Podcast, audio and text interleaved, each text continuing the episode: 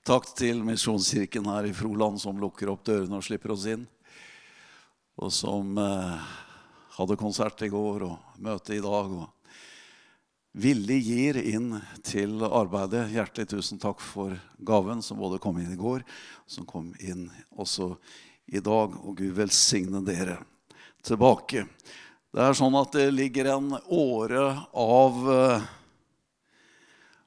omsorg i Guds menighet.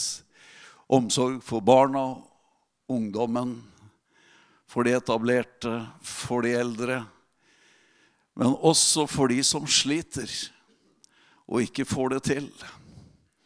Og er det noe de der ute i samfunnet legger merke til, så er det hva vi gjør for barn, hva vi gjør for ungdom, og hva vi gjør for de som sliter der ute. Det vi gjør, er ikke noe isolert på innsiden av noen vegger. Vi skal spre pluggene ut med teltet og vise at vi er her for den bygda og byen vi bor i. At vi er her for mennesker som ikke er generasjon perfekt. I dag er det så mye press fra ung og opp igjennom at du skal ha de rette tingene på plass i livet, og du skal vise de sosiale medier, og du skal fremstå som det perfekteste det går an å bli her nede. Og så kjemper vi og strever vi og forsøker hele tida. Men tenk at det er noe som er perfekt. Tenk at det er noe som er fullkomment. Og jeg sier til deg, du er ja, jeg, jeg, jeg, prekte på, på Østerbo her på torsdagskvelden, og jeg sa noe jeg pleier aldri å si. Eh, for det var snakk om å ta vare på noen vakre skatt og, og, og som er deg betrodd. Og så sa jeg du er vakker utapå, men husk én ting. Du er mye vakrere inni. Halleluja. Ja, jeg kjenner litt på den, jeg òg. I hvert fall den første delen.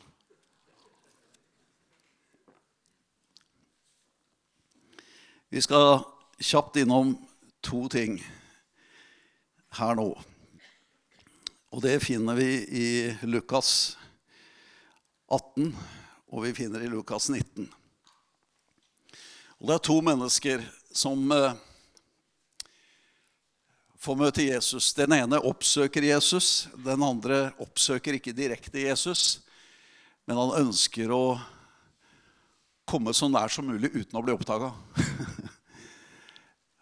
Eh, så la oss eh, lese inn i, i teksten her fra kapittel 18 i Lukas og vers 18. Et medlem av rådet kom og spurte ham, 'Gode mester, hva skal jeg gjøre for å arve evig liv?'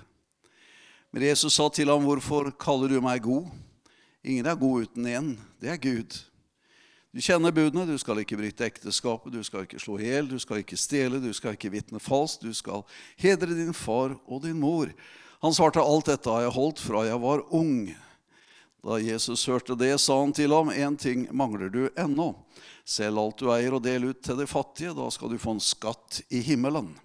Kom så og følg meg. Men da mannen hørte dette, ble han dypt bedrøvet, for han var svært rik. Da Jesus så hvor bedrøvet han ble, sa han, hvor vanskelig er det for dem som eier mye, å komme inn i Guds rike?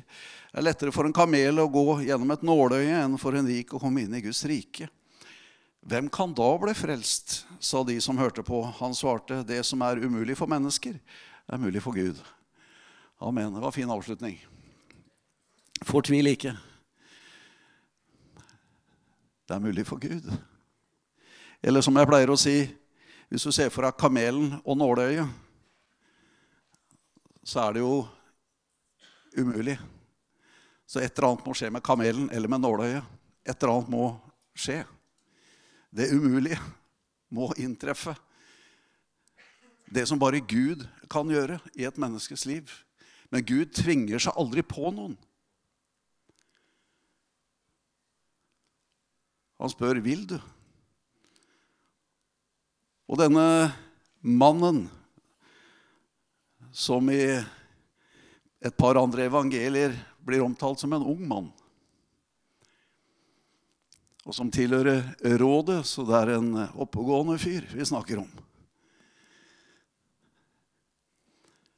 han spør egentlig feil spørsmål. Fordi han begynner som mennesker pleier å gjøre i dag. Hva skal jeg gjøre? Jeget. Individualismen. Hva skal jeg gjøre? Fokuset på meg. Og det er jo slitsomt. Men Jesus krediterer han med én ting. Og det er at når han påstår at han har holdt alle disse budene som Jesus leste opp på en måte Han har levd et ryddig liv. Så sier ikke Jesus 'Å, jeg vet om ditt og datt'. Han gjør ikke det. Han sier, og diskuterer ikke det. Han sier, 'Du mangler ennå noe', sier han. Den rikdommen din står i veien. Gi den til de fattige. Kom så og følg meg. Og det falt han tungt for brystet, så han klarte ikke å levere fra seg en eneste krone. For det kunne han jo ha gjort når han begynte å spørre hva kan jeg gjøre. Det kunne han ha gjort, men han ville ikke. Så Gud tvinger ingen til å gjøre noe. Men det klarte han ikke. Og Derfor så gikk han også bedrøvet bort, fordi han fikk kanskje ikke det svaret han hadde forventa. Det var nesten som den eh, som sto i menighetslokalet langt der fremme og så synderen langt der bak i lokalet. Det er derfor synderes benk er på bakerste, for det der pleier de å være av de som føler seg mindre av den slagen. Den setter seg mer fram. Nei, bare tull. Det er godt frelst på bakerste benk òg, er ikke det? Men han som stilte seg fram, han var veldig frimodig. Og så stilte han seg fram for, for Gud der, og jeg takker deg, Gud, at jeg ikke er som andre mennesker, og ikke som han synderen som står baki der. Jeg er så glad at jeg ikke har de problemene han har. Men at jeg lever et så perfekt og flott liv. Kan du ikke anerkjenne meg, Gud, på det? Kan du ikke stemme i sammen med meg at jeg er noe av det beste du har? Så er det noen du skal satse på, så er det her jeg er. Ikke se på han bak der, for han tror jeg ikke vi skal satse på, men se hitover litt. Her er jeg. Og det er nesten som denne rike mannen eh, forsøker å si at uh, altså, Du trenger ikke å tenke på de tingene der, Jesus, for, for alt i livet mitt er, det, er, det er helt i orden. Jeg er helt på plass. Men jeg har en liten usikkerhet. Er det noe jeg mangler her i forhold til uh, å arve evig liv? Altså, Så må jeg jo spørre deg hva gjorde du når du arvet?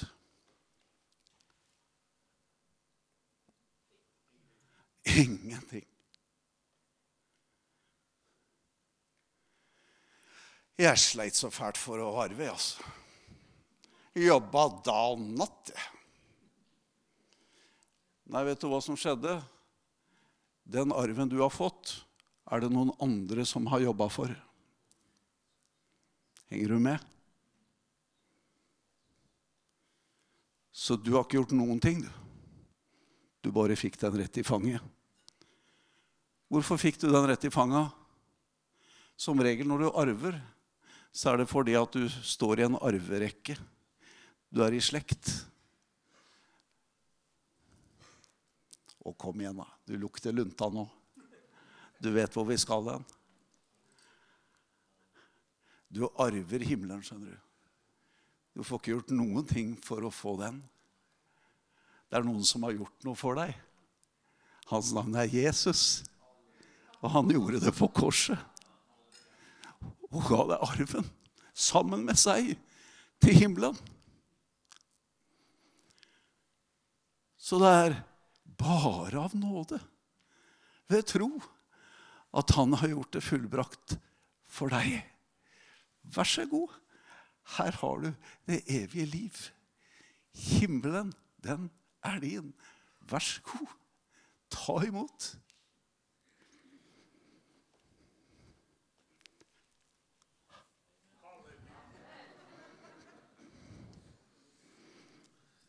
Vi får trene litt.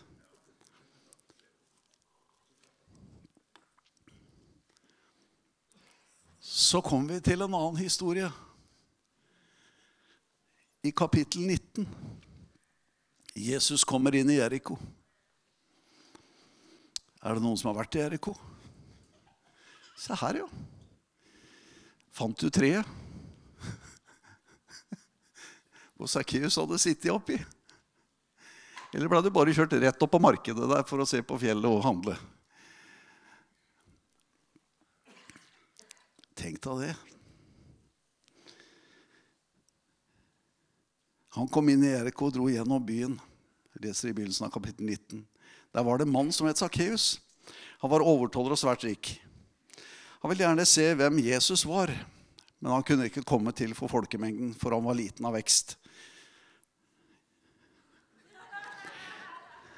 Da løp han i forveien og klatra opp et morbærtre for å se ham på et sted hvor han måtte komme forbi. Og Da Jesus kom dit, så han opp og sa til ham, 'Sakkeus, skynd deg og kom ned, for i dag må jeg ta inn hos deg.' Han skyndte seg da ned og tok imot ham med glede. Men alle som så det, murra og sa, 'Han har tatt inn hos en syndig mann.' Men Sakkeus sto fram og sa til Herren, Herre, halvparten av alt jeg eier, gir jeg til det fattige, og har jeg pressa penger av noen, skal de få firedobbelt igjen. Da sa Jesus til ham, i dag er frelse kommet til dette huset, for også han er en Abrahams sønn. For menneskesønnen er kommet for å lete etter de bortkomne og berge dem.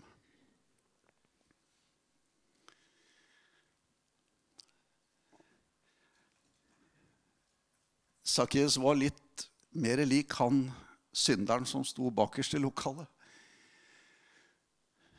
Som ikke hadde så mye å bringe til torgs der framme på første benk. Ikke noe offens for deg som er på første benk. Men det eneste han kunne få ut av seg der Gud, vær meg arme synder nådig. Så kommer spørsmålet hvem var det som gikk rettferdig ut derifra? Og det var han som måtte bare bekjenne sin stilling innenfor den levende Gud. Han hadde ikke noe å bringe til torgs som kunne gi han noe som helst adgang noen vei. Sakkeus søkte ikke Jesu oppmerksomhet, men han hadde én ting. Et stort ønske om å få se ham. Og han anstrengte seg til det nesten flaueste. For jeg vet ikke hvor eh, stolt han var eh, klatrende opp i et tre. Hvor det kom masse mennesker forbi. En voksen mann klatrende i tre, det er jo ikke helt normalt. Det er jo unger som gjør sånt. Men han hadde et så inderlig ønske å ikke gå glipp av å få se Jesus. Ja, skulle det på en måte være tilstrekkelig, da? For at han eh, skulle forstå hvem Jesus er? Jeg vet ikke om du har sett sånne tollere, ja. De har evne til å lese folk på lang avstand. Når du får sånne speilvinduer hvor du bare ser én vei, så står det en på baksiden her, og så ser han Ja, Der må vi undersøke litt. Vi. Jeg tror kanskje at uh, Sakkeus hadde sett noen folk før. Så skulle han sitte og se på Jesus når han kom. Han søkte ikke oppmerksomhet i det hele tatt. Han ville bare sitte rolig for seg sjøl oppi der og se på Jesus mens han gikk forbi. Det som skjer, det sjokkerende for Sakkeus den dagen er at idet Jesus er på vei bort imot der hvor han sitter oppe i treet sitt, så skjener liksom Jesus ut av veien og mot det treet. Og tenk deg pulsen på Sakkeus når han sitter oppi der og ser Han kommer hit og tar med seg hele flokken av folk. Avslørt oppi treet. Og så blir han enda mer sjokkert. Sakkeus, han kjenner navnet hans. Kom ned, for da skal jeg bli med deg hjem. Og jeg skal være sammen med deg. Da murra hele flokken og tenkte Jesus, nå, nå Dette er feil mann å ha med å gjøre. Det er en som har mye på samvittigheten. Du, du, kan ikke, du, kan ikke, ha fellesskap. Man kan ikke bli med han hjem. Det er jo ikke han du tar selfie med liksom, og legger ut. Det er jo ikke, er ikke han du er buddies med.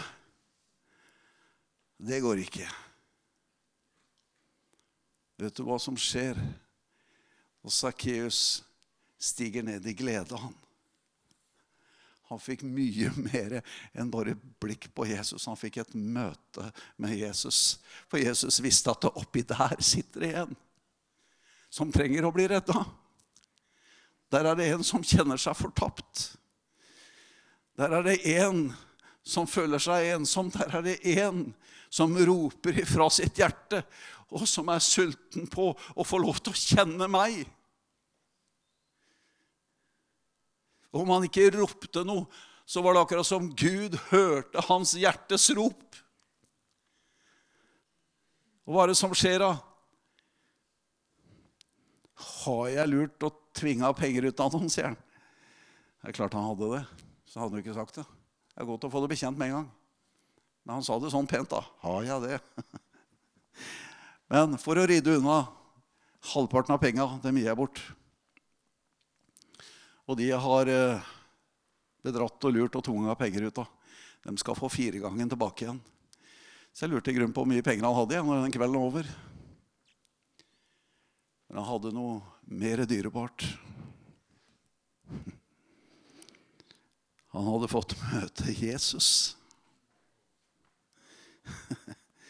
Han var ikke opptatt av seg om Jesus så han. Det viktigste for han var at han så Jesus.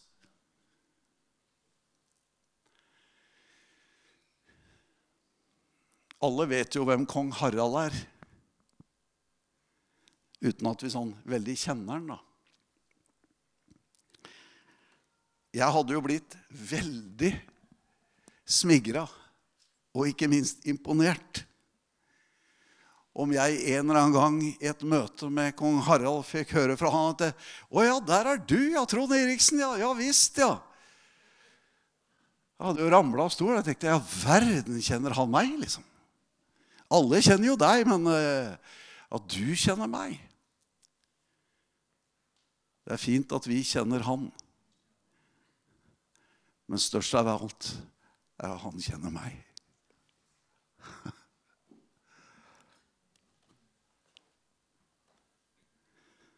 Han kjenner meg.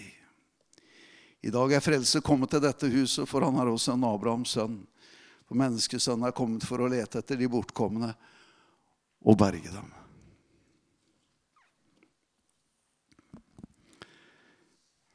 Det er salig å være i evangeliesenteret. Å være sammen med de som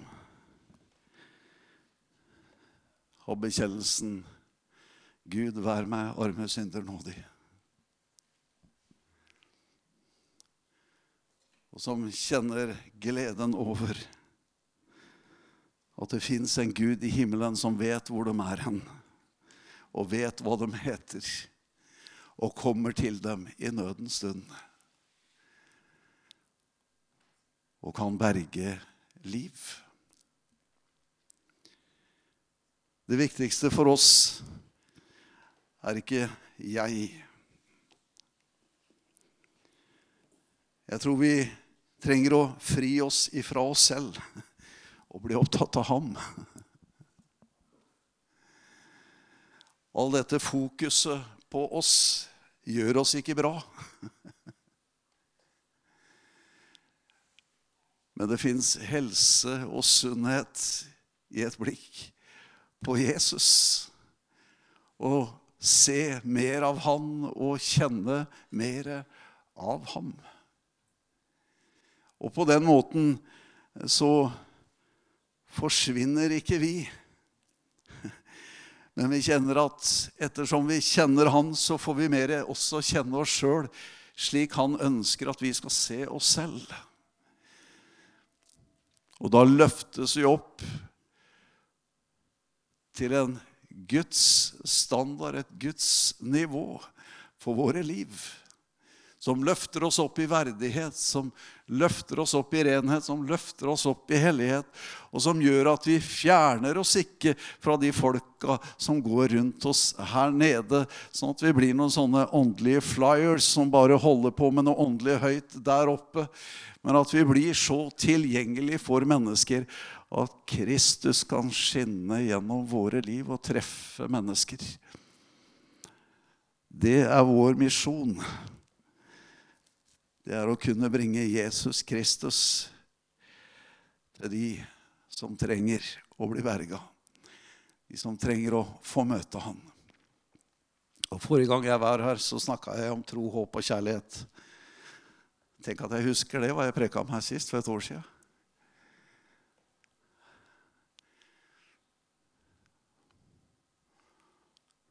Det største er ikke at jeg kjenner ham, men at han kjenner meg. Og med det så kan vi få lov til å ha et perspektiv over livet vårt. Hvilken stor nåde vi har ifra himmelens Gud innover vårt liv. Og han som kjenner meg, han har latt sin ånd bo i mitt liv. Han har latt sitt ord åpenbares i mitt liv. Og jeg har liv, og jeg har overflod. Halleluja. Så det flyter over ifra mitt indre. Så jeg kjenner det at jeg har et overskudd i mitt liv, så det kan tilflyte andre mennesker noe av det som Gud har gitt meg. Halleluja. Det er ikke bare 'Gud gi, Gud gi'. Du må jo også gi. Og den som gir, halleluja, han får enda mer ifra himmelen. Jeg skal ha en liten, kort en helt til slutt. For i Telemark, der jeg kommer ifra, er det jo mange flotte små fiskevann oppe i fjellet. Det kanskje fins noen nedi her òg. Men der var det en liten gutt som satt og fiska. Og så kommer det voksen kar bort til han. Og mens gutten satt der og lykkelig i fred og ro og fiska, så kommer det en voksen person bort til han i høye gummistøvler og ordentlig flott fritidstøy. Og så sier han til gutten, 'La du ikke merke til skiltet borti skauen her?' Nei, han kunne ikke si han hadde lagt merke til det. Ja, du, eh, du, fisker i privat vann nå, skjønner du sånn. Privat vann har jeg aldri hørt om. det. Ja, så du, du må ha tillatelse her for å, for å fiske etter vannet sånn. Jaha. Ja, jeg eh, eier dette vannet, jeg, skjønner du, sa mannen. da. Så strakk han seg litt sånn. Kjente at uh, han eide litt mye. Alt det du ser her, vet du, rundt her, det er, det er mitt. sånn. Det er mitt. Og gutten ble imponert, han. Eier alt det her? Ja, altså. Eier, altså. Ja. Og Så fikk gutten en sånn liten bekymringsrynke, og så kikka han litt ut. Og så kikka han på den karen sånn Eier du dette vannet her? Ja, sa han. Du, da må du passe bedre for det, for det renner ut der nede.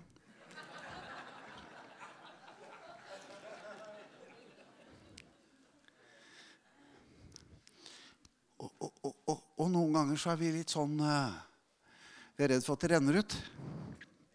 Men ikke vær redd for det. For at det kommer et nytt tilsig. skjønner du. Halleluja. Det blir ikke mindre vann. Det blir ikke mindre muligheter. Det blir bare flere muligheter. Mer vann, mer tilgang. Mer halleluja. Jo mer vi gir ut. Og så Et sånn stillestående vann, det vil vi ikke ha.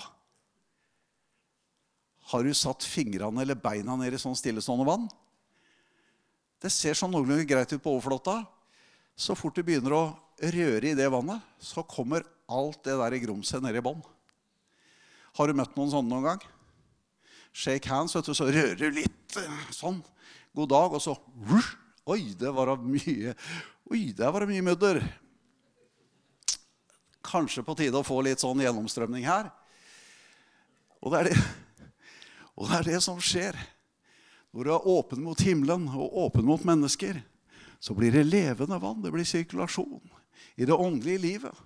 Hvis vi begynner å stoppe og gi ut og, og har ikke behov for å ta imot noe som helst, det er veldig greit sånn som det er. Bare sitte helt i ro, liksom. Helt en eller annen liksom sjeike litt borti deg, så Oi, der var det visst noe likevel. Så at vi får et levende vann. Halleluja. Ja, det blir spennende mandag i morgen.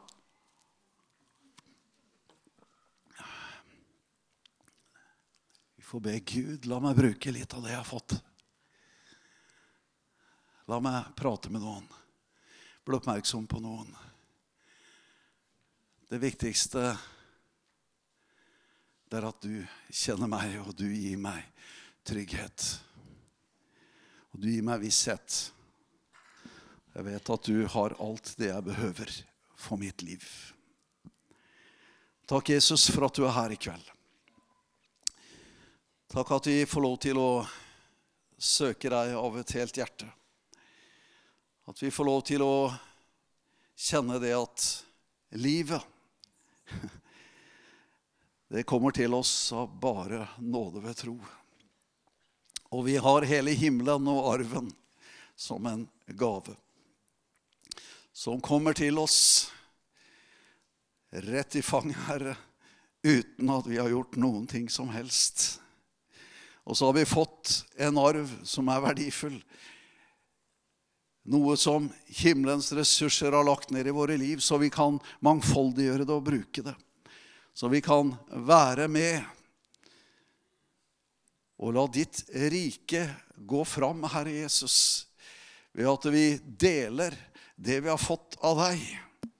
At vi får lov til å berøre mennesker med vårt liv. At du, Jesus Kristus, gjør det sånn at vi er inviterende. At vi er romslige og rause. At vi er interessert i mennesker. Så de kan få lov til å se at her er det også en mulighet for meg. At vi ikke er perfekte på noen måte.